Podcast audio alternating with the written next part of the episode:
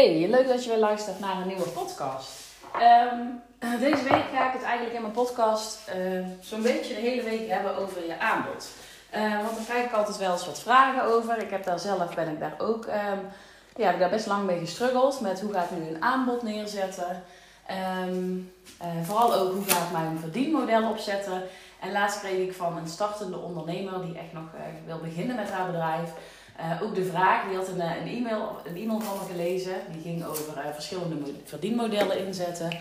En ze zei, uh, jeetje Brigitte, um, is het echt al nodig dat ik hier ook al over na ga denken? Want er komt al zoveel op me af. Moet ik ook echt nu al weten wat voor mijn verdienmodel dat ik, ja, dat ik voor mezelf neer ga zetten? En nou, vond ik wel interessant. En toen dacht ik, ik ga er ook even iets meer over vertellen. Ook over hoe ik um, dit voor mezelf bepaald heb, in welke fase dat ik wat besloot, uh, zodat je daar misschien iets aan kunt hebben. Uh, en vandaag wil ik het dus eigenlijk eventjes hebben over um, hoe je als startend ondernemer je aanbod gaat bepalen. Um, in de volgende podcast kom ik dan ook even terug op het verdienmodel. Uh, misschien dat ik daar vandaag even iets kort over vertel. maar daar wil ik in de volgende podcast dan ook echt eventjes op terugkomen. maar als je net starter bent en er zit ook al een verschil tussen um, starters en starters. De ene starter die start met een bedrijf omdat hij weet dat hij een bedrijf wil. Die heeft alleen nog geen idee hoe of wat. Uh, de andere starter die heeft echt al een achtergrond. Uh, dus bijvoorbeeld al heel veel kennis en ervaring in een bepaalde branche, in een bepaalde niche. Um, maar die gaat voor het eerst voor zichzelf beginnen. Uh, de andere ondernemer is uh, offline ondernemer, maar gaat bijvoorbeeld online ondernemer worden, gaat een online aanbod opzetten. Dus je hebt eigenlijk heel veel verschillende starters. En dat heb ik ook wel gemerkt um, toen ik net startte en toen ik mijn aanbod neer ging zetten. Uh, dat je binnen een bepaalde doelgroep, binnen een bepaalde, ja, als je zeg maar een ideale klant bepaalt, dan heb je ook eigenlijk weer verschillende mensen daarin. En voor jezelf is het dus ook zoeken naar de juiste ideale klant in jouw doelgroep. Um, dus dat is eigenlijk ook wat ik je mee wil geven. Dat wanneer je net start, dat je wat mij betreft echt het zo simpel mogelijk mag gaan houden. En dat je in het begin dus niet per se heel erg bezig mee hoeft te houden.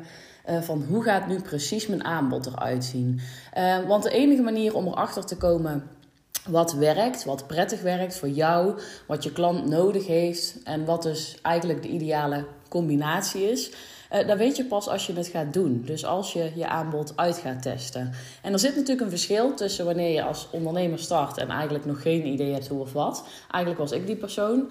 Um, ik had gewoon 17 jaar in loondienst gewerkt. Ik dacht, ik wil wel anders, maar ik weet niet wat. Ik zag een uh, advertentie voorbij komen van de VA Business Academy om virtual assistant te worden. Die opleiding ben ik gaan doen, maar ik stapte daarin met nul clue. Van wat ik dan precies zou gaan doen, voor wie en hoe. Uh, uiteindelijk heb ik ook die hele VA-opleiding afgerond. Ben ik gestart als VA, maar heb ik eigenlijk maar heel kort het VA-werk gedaan. En ben ik daarna mijn bedrijf eigenlijk al om gaan zetten en overgestapt op de startende ondernemer. Uh, dus het kan echt zo zijn dat voor jou, wanneer je als ondernemer start, die reis echt gewoon nog een totale zoektocht is. Zoals het bij mij eigenlijk ook. En dan is het sowieso heel moeilijk om een aanbod te bepalen, omdat je eigenlijk nog nooit echt met dat soort klanten uh, gewerkt hebt. Omdat je zelf nog geen ervaring hebt met je eigen aanbod. En dat je eigenlijk dus ook nog niet weet hoe het uit gaat pakken. Als je dus al offline ondernemer bent en je gaat over op online, dan weet je natuurlijk wel al een beetje um, hoe jij met klanten omgaat. Welke klanten dat jij het fijnste vindt. Dan heb je al ervaringen in je.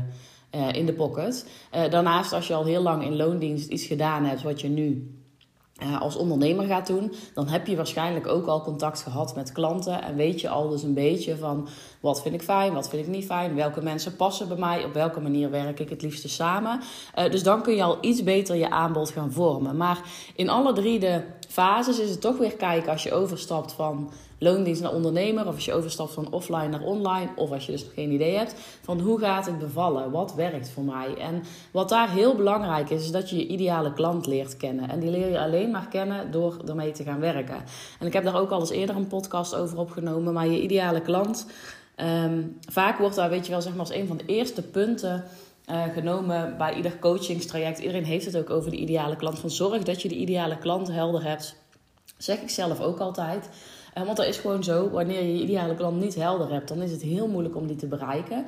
En dan kun je bewijzen van een jaar gaan schreeuwen op social media, maar bereik je eigenlijk niemand, omdat je je ideale klant niet scherp hebt, niet helder hebt, omdat je de taal niet spreekt van je ideale klant. Ehm, dus het is heel belangrijk om die helder te krijgen. Maar hoe kom je erachter? Ja, door in gesprek te gaan. En enerzijds kan daardoor gewoon heel veel gesprekken te gaan plannen. Door te gaan kijken wie je denkt dat je ideale klant is. Daar een oproep voor te plaatsen en in gesprek te gaan met mensen. Wat dan wel handig is, is om Ehm, ja, die mensen iets terug te geven. Dus je kunt wel ergens een oproepje plaatsen in een Facebookgroep van hey, ik zou je graag wel vragen willen stellen. Maar wat heeft die persoon eraan die de vragen gaat beantwoorden? Die gaat toch zijn tijd in jou investeren. Dus kijk ook of je er dan iets tegenover kunt zetten. Dat je zegt van nou, um, ik ga graag even met, gesprek, met je in gesprek. En ik help je verder met drie tips. Of ik geef je um, een kort stappenplan waar je aan de slag kunt. Of je verloopt een boekenbon. Of nou, iets in die richting. Uh, waardoor jij informatie kunt krijgen van jouw ideale klanten. Maar Um, gesprekken zijn goed om echt een beeld te krijgen, om te weten van hey, wat past bij mij en wat zou uh, aan kunnen sluiten. Maar je weet het pas wanneer je het echt gaat doen. Dus wat ik je adviseer, ook wat betreft je aanbod, is ga het gewoon doen. Ga eerst ideale klanten helpen. En dat maakt eigenlijk niet zoveel uit in welke branche of niche dat je zit. Um, ik startte als VA, dus ik ging gewoon mezelf inzetten als VA. En ik was vrij allround. Ik, ik, ja, ik wist nog niet zo goed wat ik wilde. Ik had verschillende cursussen gedaan op verschillende vlakken. Uh, maar werk in loondienst deed ik veel administratief en organisatie. Dus daar zat ook wel een stukje waarvan ik dacht, hé, hey, dat kan ik. Uh, dus ik bood vrij breed aan, waardoor het ook best moeilijk was Um, om um, klanten te vinden. Omdat ja, niemand heeft echt iemand nodig die van alles een beetje kan. Ze willen eigenlijk liever iemand die een bepaalde taak uit handen neemt. Toen ben ik echt gaan specialiseren. Dus toen dacht ik, oké, mijn aanbod mag smaller worden. En ben ik me vooral gaan richten op websites en online marketing. Um, dus toen ik die focus had genomen, werd het iets makkelijker om klanten aan te trekken. En werd ik VA. Maar goed, ik had nog geen werkervaring. Dus ook dan is het best wel moeilijk om klanten te vinden. Wat ik dus gedaan heb, is eigenlijk in het begin gewoon alles wat ik maar aan kon nemen. Uh, en ook nog vaak voor een lager bedrag. En vaak wordt er ook gezegd, ja, je moet gewoon meteen goede prijzen vragen, dit en dat. Daar ben ik het mee eens. Uiteindelijk moet je ook betaald krijgen voor wat je doet. Moet je niet het idee hebben dat je constant benen onder je kont uitrent zonder dat je er echt waardering voor krijgt of dat je er iets voor terugkrijgt.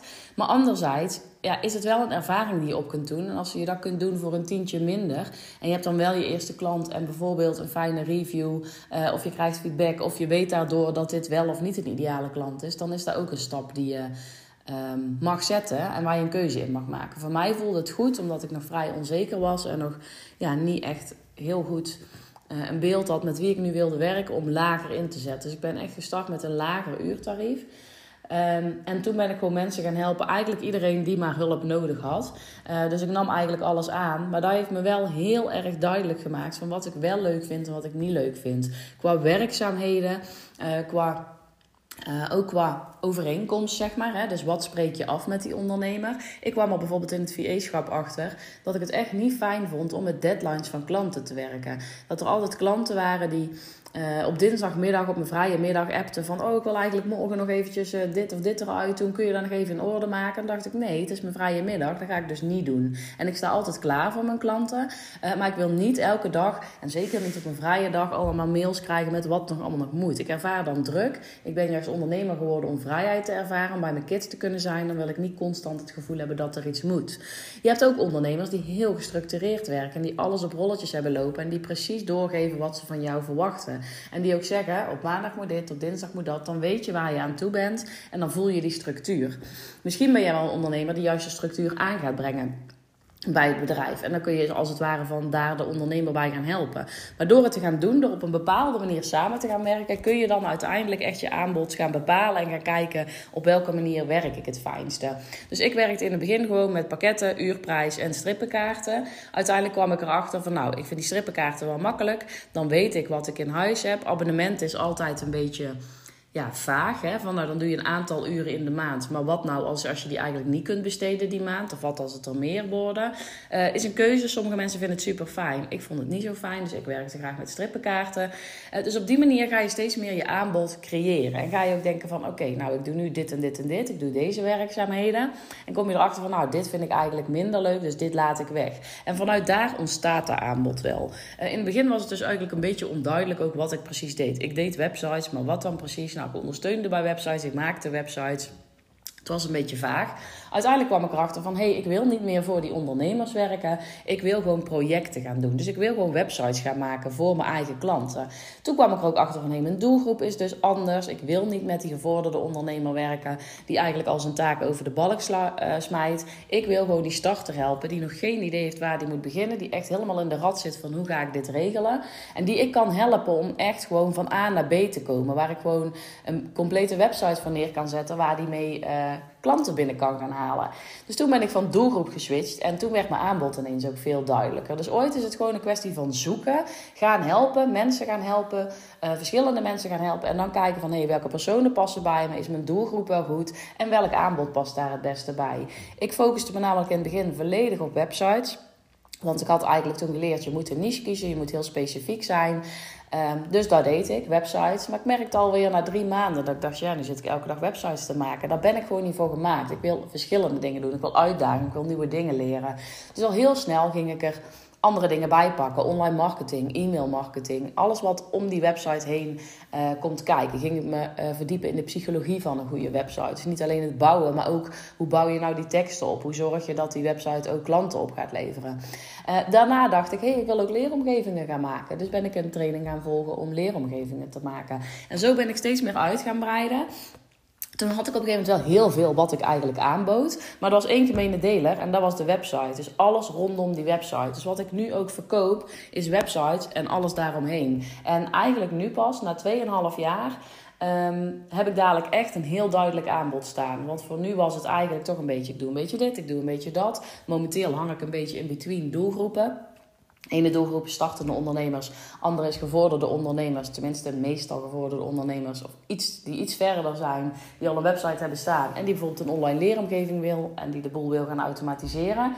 Uh, dus die help ik vooral één op één. Start dus vooral met mijn online trainingen. En nu is echt het punt dat ik denk: hé, hey, ik mag duidelijk die, het aanbod echt helemaal neer gaan zetten. En we gaan weer terugbrengen. Dus ik ga mijn online trainingen omzetten in een membership. Dadelijk heb ik nog drie hoofdtrainingen en that's it.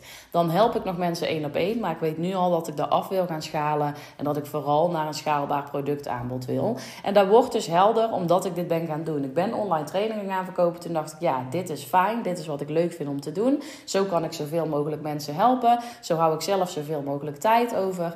Uh, en op die manier ben ik er steeds meer achter gekomen van... hey, dit werkt, dit werkt, dit werkt. Ik ga het dus zo doen. En nu, voor het eerst in die twee jaar, tweeënhalf misschien bijna... Uh, is mijn aanbod volledig helder. En denk ik, hier wil ik naartoe. Kan natuurlijk goed zijn dat ik over een half jaar weer denk... oké, leuk dit allemaal, maar ik mis dit of dit. En ik zou graag dit of dit. Nou, ga ik het weer veranderen. Dat is het leuke aan ondernemer zijn. Um, maar dat is wat ik je eigenlijk even wilde zeggen rondom je aanbod. Ga uitproberen. Enigste manier om erachter te komen wat voor jou werkt, wat fijn is. Om er misschien achter te komen dat je doelgroep niet helemaal uh, is wat je dacht en dat je daarin iets mag veranderen. En dat je vooral in je aanbod gaat kijken naar wat is voor mij fijn, wat werkt voor mij fijn. Daarna pas kijken naar de ideale klant en hoe je het aanbod daar zo goed mogelijk op aan kunt laten sluiten. Maar het belangrijkste is, jij bent de basis van je bedrijf en jij moet zorgen dat jouw aanbod voor jou werkt, dat het op jouw voorwaarden is. En daarna ga je kijken hoe je dit zo goed mogelijk in kan richten voor je ideale klant. Dit is hem voor vandaag. Ik zit er weer net eventjes overheen over de 10 minuten. Uh, dus ik ga hem afronden en morgen uh, ga ik terugkomen op uh, verdienmodellen.